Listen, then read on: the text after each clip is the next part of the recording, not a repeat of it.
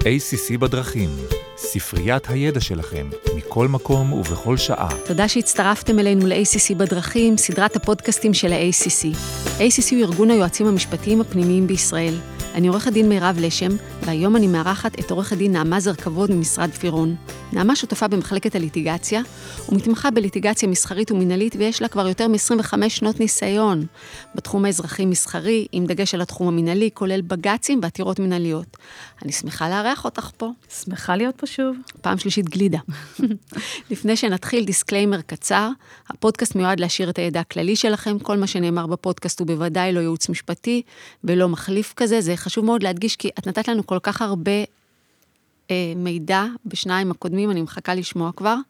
אנחנו עם נעמה במיני סדרה שעוסקת בדיני מכרזים, אנחנו כבר אחרי הפרק הראשון, ששם דיברנו על אה, מושגים בסיסיים בעולם המכרזים ועל דגשים חשובים בליווי לקוחות, עד שלב ההגשה, ההגשה של ההצעה. אחרי פרק שני, מרתק, חשוב, על פגמים בהצעות, והיום אנחנו בפרק השלישי והמסכם, שבו אנחנו נדבר על ההתמודדות עם החלטות ועדות מכרזים, על התקיפה שלהן בבתי משפט. אז בואי נגיד שהגשנו הצעה, ולמרות כל העצות הטובות שקיבלנו, בכל זאת קיבלנו הודעת פסילה, מה עושים? וואי, יש הרבה מה לעשות. במקרים רבים, אם קיימת עילה כלשהי לפסילת מציע, ועדת המכרזים קודם כל מזמינה אותנו לשימוע טרם הפסילה. שימוע הוא שלב קריטי, ומאוד מאוד חשוב כבר להיות מיוצגים על ידי מי שמבין בתחום. יש חשיבות לאופן העלאת הטענות, חשוב לוודא שוועדת המכרזים מתייחסת בכובד ראש לטענות המועלות על ידינו בשימוע, ומוציאה פרוטוקול מפורט ומנומק. ככל שנותנים לנו רק שימוע בכתב, מומלץ מאוד לבקש שימוע בעל פה מול ועדת המכרזים. כידוע, במשפט מינהלי יש חשיבות כבירה לטענות שמעלים מול הרשות לאורך כל הדרך, וטרם ההגעה לבית משפט. זאת בשל הצורך למצות את ההליכים מול רשות טרם ההגעה, כאשר אי מיצוי הליכים מהווה כשלעצמו עילה לדחייה על הסף של העתירה שלנו. אמרנו בפרק הראשון שאנחנו בפינה, בצומת, בין המינהלי למסחרי, זה בדיוק הצומת. לגמרי ככה. יש לשים לב שבמכרז למשתתפים נתונה הזכות לבקש מוועדת המכרזים, עוד שלוש, עד 30 יום ממועד ההחלטה הסופית של ועדת המכרזים, להעביר לעיונם מסמכים שונים, לרבות, אך לא רק, פרוטוקולים של ועדת מכרזים, התכתבויות עם מציעים, חוות דעת מקצועיות והצעת הזוכה במכרז. מאוד מאוד חשוב שתתעקשו לקבל את כל הדברים האלה. זה בעצם, ה, אני אגיד לזה, הנשק שלנו, ועם זה אנחנו נעבוד בשימוע, בעתירה. גם בעניין הזה חשוב לשים לב למועדים. מצד אחד יש הגבלת זמן לבקשת המסמכים לעיון, מצד שני המתנה לקבלת המסמכים מוועדת המכרזים אינה אמורה לעכב הגשה של עתירה לבית משפט לעניינים מנהליים, וכפי שיובהר בהמשך, היא לא תהווה טעם מצדיק שיהוי בעתירה. ואני אזכיר גם את הדברים שאמרת לנו בפודקאסטים הקודמים, שחשוב, את מנומסת, אבל חשוב מאוד לקבל ייעוץ בשלב הזה, וכדי להעלות את כל הטענות הרלוונטיות בשלב, כי אם לא יעלו, אם אנחנו לא נעלה את הטענות בשלב הנכון, אנחנו מושתקים, זה, אנחנו בעולם המינהלי עכשיו. אה, נכון, אני... זה כמו שאמרנו לגבי שאלות העברה.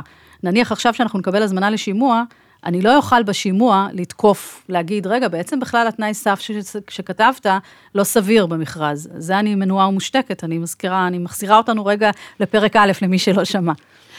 אה, אני מניחה שהרבה עניינים של מכרזים מגיעים לבתי משפט, לא? וואי, זה אחד התחומים הכי אקטיביים והכי מרתקים והכי מעניינים שיש בבתי המשפט. מי שדנים בתיקים האלה הם בתי משפט לעניינים מנהליים. חוק בתי המשפט לעניינים מנהליים מסמיך אותם לדון בין השאר בענייני מכרזי מדינה, גופי הסמך של המדינה ורשויות מקומיות. בנוסף, בתי המשפט המנהליים מוסמכים לדון בתובנות מנהליות לפיצויים שעילתם מכרזים. צריך רק לשים לב שלא כל הגופים שחלה עליהם חובת מכרזים כפופים לחוק בתי משפט לעניינים מנהליים, ולכן חלק מהעתירות הם נדונו בבתי משפט אזרחיים. אני מזכירה שוב את זכות העיון. זכות העיון פרוסה על פני כל מסמכי המכרז והיא קריטית.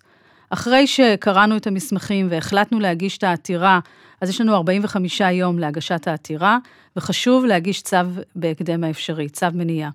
אני רוצה רק להגיד, בהקשר של מועדי העתירה, אמנם באמת יש 45 ימים, שזה כאילו הכלל, זאת אומרת, לא לחרוג מ-45 ימים, אבל לפעמים צריך להגיש את זה כמה שיותר מהר, ובכלל לא מעניין 45 ימים. זאת אומרת, בגלל שאנחנו מתעסקים במכרזים, נניח אנחנו מתעסקים במכרז של תשתיות. אם אני אחכה עכשיו 45 יום, ואני לא אעצור את המכרז, אז בינתיים המכרז יצא לדרך, ואז אני אהיה חשופה לטענה של מעשה עשוי. לכן, 45 יום זה כלל על כזה, אבל אל תמתינו, אל תגידו, אוקיי, יש לי זמן 45 יום בהקשר הזה. הצד, הצד שזכה יכול אה, לשנות, אה, לשנות את מצבו לרעה, כבר התחילו להתקדם, זה כבר כן, מעשה גם עשוי. אף אחד לא מחכה לי, זאת אומרת, גם אם, יש, גם אם אני פניתי לוועדה ואמרתי, אני רוצה לקבל מסמכים, והם יודעים שאני הולכת להגיש אה, אה, איזושהי עתירה בעניין הזה, כל עוד אין צו מניעה, הם ממשיכים בהליכי המכרז, הם לא ממתינים, ואני אחר כך לא אוכל לטעון כל טענה בנושא הזה, ולהפך, הם יטענו מעשה עשוי, ולכן אני מחלישה את הסיכויים שלי. אני רוצה גם בהקשר הזה להגיד, שלמרות שלפי התקנות, אז מניין הפגרה לא חלה, אבל רק עכשיו היה לי תיק שהצלחתי ממש לדחות אותו על הסף, כי הוגשה עתירה כנגד לקוח שלי שזכה במכרז, והם הגישו את העתירה, אם אנחנו לא סופרים את ימי הפגרה, אז הם הגישו את זה ביום איחור, כי הייתה להם איזו תקלה טכנית, אוקיי? אז זה כאילו 46 יום. אבל אם אנחנו סופרים את ימי הפגרה, זה היה עשרות ימים אחרי זה, ובית משפט התייחס לזה. הוא אמר, לא יכול להיות, זה שיהוי מטורף. ולכן הצלחתי אפילו בלי דיון, לדחות את העתירה. אז תשימו לב, זאת אומרת, אל תבואו ותגידו, טוב, יש לי עוד את הפגרה, ויש לי פגרת פסח, וכו' וכו' וכו'. זה לא המועדים הרגילים של בתי משפט, פה מאוד קפדנים. נכון, אני יכולה להגיד גם שנניח באותו מקרה שאמרתי, הם ניסו גם לטעון שהייתה חופשה של uh, המשרד עורכי דין, ואחר כך גם הייתה להם תקלה ארצית במערכת נט המשפט, ובית משפט לא קיבל את זה. לכן חשוב להקפיד על זריזות בכל הנוגע לפניות המקדמיות לרשות, שאנחנו נדרשות גם במסגרת הזמן לצורך מיצוי ההליכים. אז בעצם אני מבינה שכלל הברזל שלנו, שאם אני רוצה לתקוף את ההחלטה של ועדת מכרזים, כמה שיותר מהר, יותר טוב. זה מספיק לדעתך? זה קודם כל חשוב, אבל ביחד עם זה צריך אה, להגיש את הצו מניעה. יש לדעת כי בכל הנוגע של, למכרזים של ספקי שירות, הסיכוי לקבל צו מניעה הוא מאוד נמוך. כי הלכה למעשה מדובר בשירות שאין אה, בעיה להחליף את נותן השירות באמצע, ללא כל נזק, לא למזמין ולא למציעים. שונה הדבר ביחס למכרז אה, לתשתיות. שם הסיכוי שלנו לקבל צו מניעה הוא גבוה יותר, שכן ההיערכות לביצוע המכרז וגם הביצוע עצמו היא, היא גבוהה מאוד, ולפעמים קשה ואפילו בלתי אפשרי להחליף אה, ספק באמצע העבודה. ולכן במקרים כאלה אנחנו כן נקבל צו מניעה, ובמקרים כאלה גם מאוד חשוב שנעתור כמה שיותר מהר, כי once הספק שזכה כן אה, אה, מתחיל לעבוד, אז גם הסיכוי שלנו להפסיק את העבודה שלו הוא נמוך, ואז מה שאנחנו נצטרך זה לעשות חלופה ולהגיש תביעה בכלל כספית, ולא תביעה לקבלת העבודה. אז מתי בעצם בית משפט יתערב בהחלטה של ועדת מכרזים? יש את הכלל שאנחנו אוהבים להגיד, שבית משפט לא יושב כוועדת מכרזים עליונה, ולא מתערב בשיקול הדעת, אלא באמת במקרים חריגים. אז מתי הוא מתערב? הוא מתערב בעניינים הנוגעים לחוסר תקינות של הליך מכרזי, או שיש החלטת ועדת מכרזים שהיא בלתי סבירה באורך, בצורה קיצונית, כשעילות ההתערבות, והן בעצם העילות מהמשפט המינהלי. אנחנו מדברים על כל הסבירות, מידתיות, פגיעה בעקרון השוויון, שיקולים זרים, ניגוד עניינים. בנוסף, חשוב לדעת שבית משפט תמיד יעדיף פרשנות שמקיימת את ההצעה על פני זו הפוסלת אותה, כך שאם הוא יחליט להתערב, הצעדים שינקוט בהם בדרך כלל זה החזרה לוועדת המכרזים, או הכרזה על הזוכה. החלטה על ביטול מכרז היא באמת במקרים מאוד מאוד חריגים. Uh, אני אתן דוגמה לגבי uh, הצעה שחורגת מאומדן שהסברנו עליה קודם. כאשר הצעה נפסלת בהיותה חורגת מהאומדן שנקבע במכרז, ניתן לתקוף את האומדן עצמו כאשר יש הצדקה לכך. אבל אם אתה רוצה לעשות את זה, מאוד חשוב שתצטייד בחוות דעת של מומחה בתחום הרלוונטי. אי אפשר סתם לבוא ולהגיד, זה לא סביר, לא נראה לי. אתה צריך להביא מומחה בתחום שממש יתקוף כל דבר ועניין. שבית משפט צריך לדעת, לא נוטה להתערב בהחלטות של ועדת מכרזים שהן בגדר שיקול דעתה, במיוחד שמדובר בהחלטות אה, מקצועיות. טענה נוספת לגבי האומדן יכולה להתייחס לפן, לפגם באופן התייחסות המכרז לאומדן, כאשר כאמור עליו לציין את קיומו ואת הנפקויות שלו במסגרת מסמכי המכרז. זאת אומרת, אם לא, הם לא ציינו את זה, אז אני יכולה לבוא ולהגיד, רגע, איפה הייתם? בכלל לא ידעתי על זה. זאת אומרת, אתם לא יכולים פתאום על סמך אומדן לפסול לי ולטעון לחריגה מאומדן כשלא שיקפתם את זה. שוב חוזרת על, ה, על התנאי השקיפות, שוויון, כל מה שדיברנו, כאמור, עובר כחוט השני. בנוסף, גם אי הפקדת האומדן בתיבת המכרזים במועד, גם זה פגם שיכול אה, לעזור לנו לתקוף את זה ולהשפיע על ועדת המכרזים ולפסול את המכרז, אבל באמת, פסילת מכרז, צריך לדעת, במקרים מאוד מאוד חריגים. בקשה לסעדים כמובן צריכה להיות מבוססת באופן מלא על כל המידע שקיים בידינו, כמו שאנחנו יודעים בכל אה, אה, פנייה לבית משפט. ובפן המינהלי, בגלל שגם אה, בסופו של דבר הפרקטיקה מלמדת שמרבית המקרים זה נגמר בדיון אחד. זאת אומרת, אנחנו מגישים עתירה, ביחד עם עתירה אנחנו נגיש אה, אה, צו מניעה, בית משפט ייתן החלטה לתגובת הצד השני ויקבע דיון מקדמי.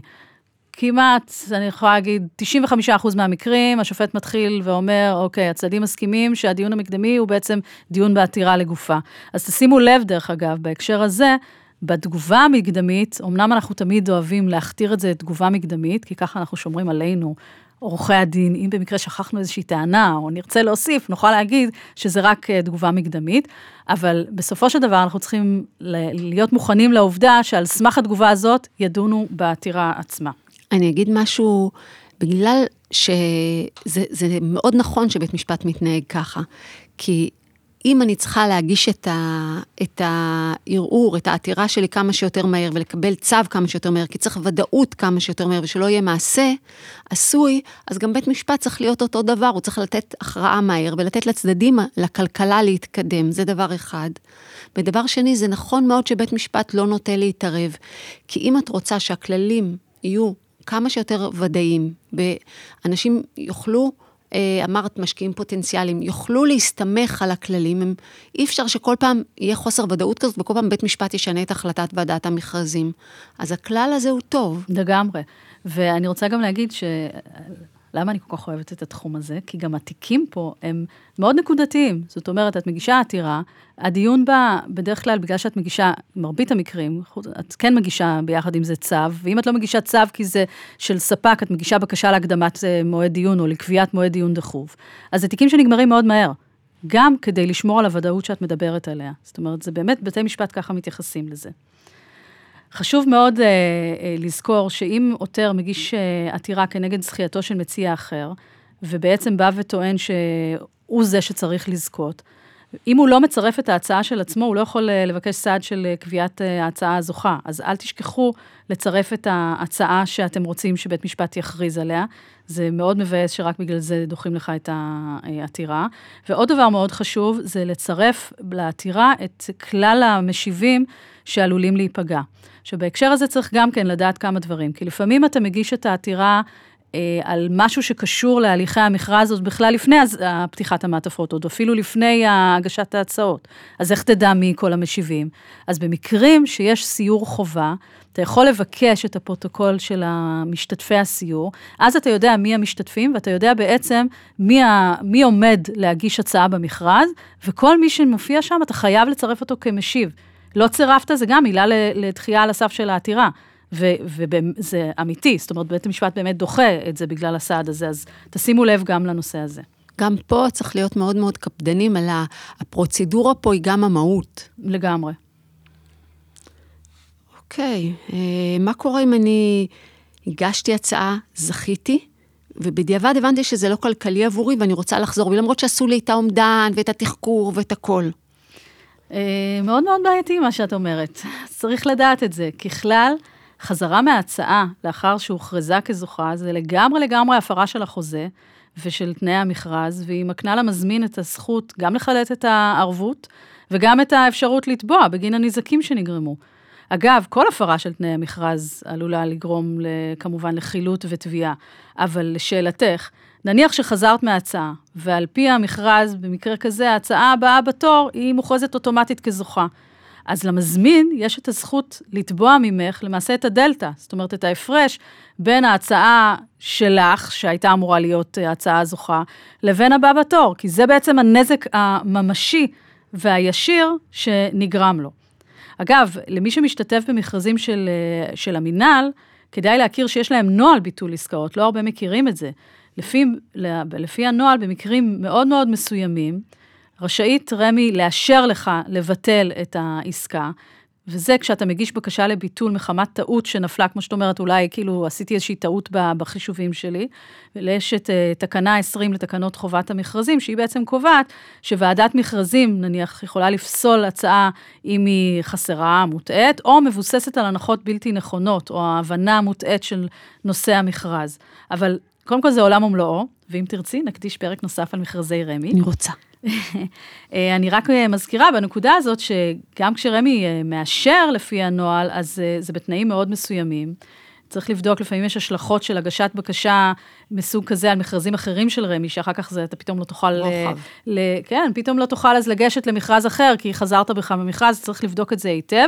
וגם פה אתה חשוף לחילוט ערבות ולפיצוי, זאת אומרת, זה לא, לא במקום זה. לא נקי מסנקציות. אז מה אנחנו, מה היה לנו פה היום?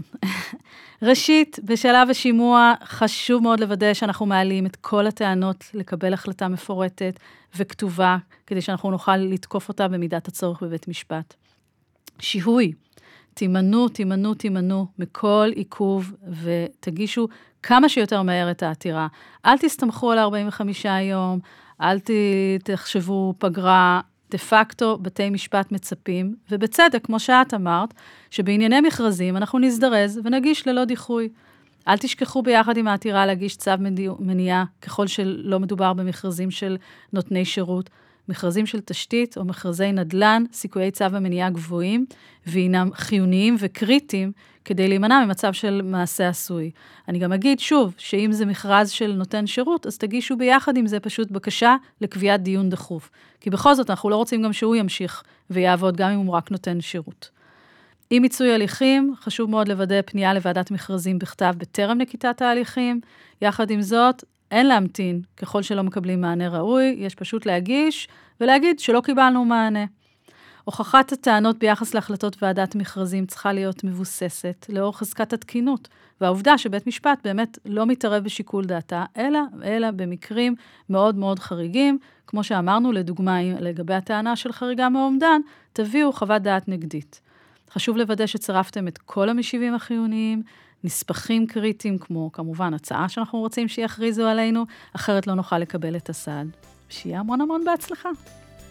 וואי, תודה רבה. אז סיימנו את הפרק השלישי, שהוא היה ככה בשיא, שהוא מסכם את כל הסדרה, והייתה כל כך טובה, ויש לי כל כך הרבה נושאים שלא כיסינו. רמי, הלך עלייך. בקיצור, אני אמשיך להציק לך עד שתבואי שוב לסדרת המשך. בשמחה רבה. תודה.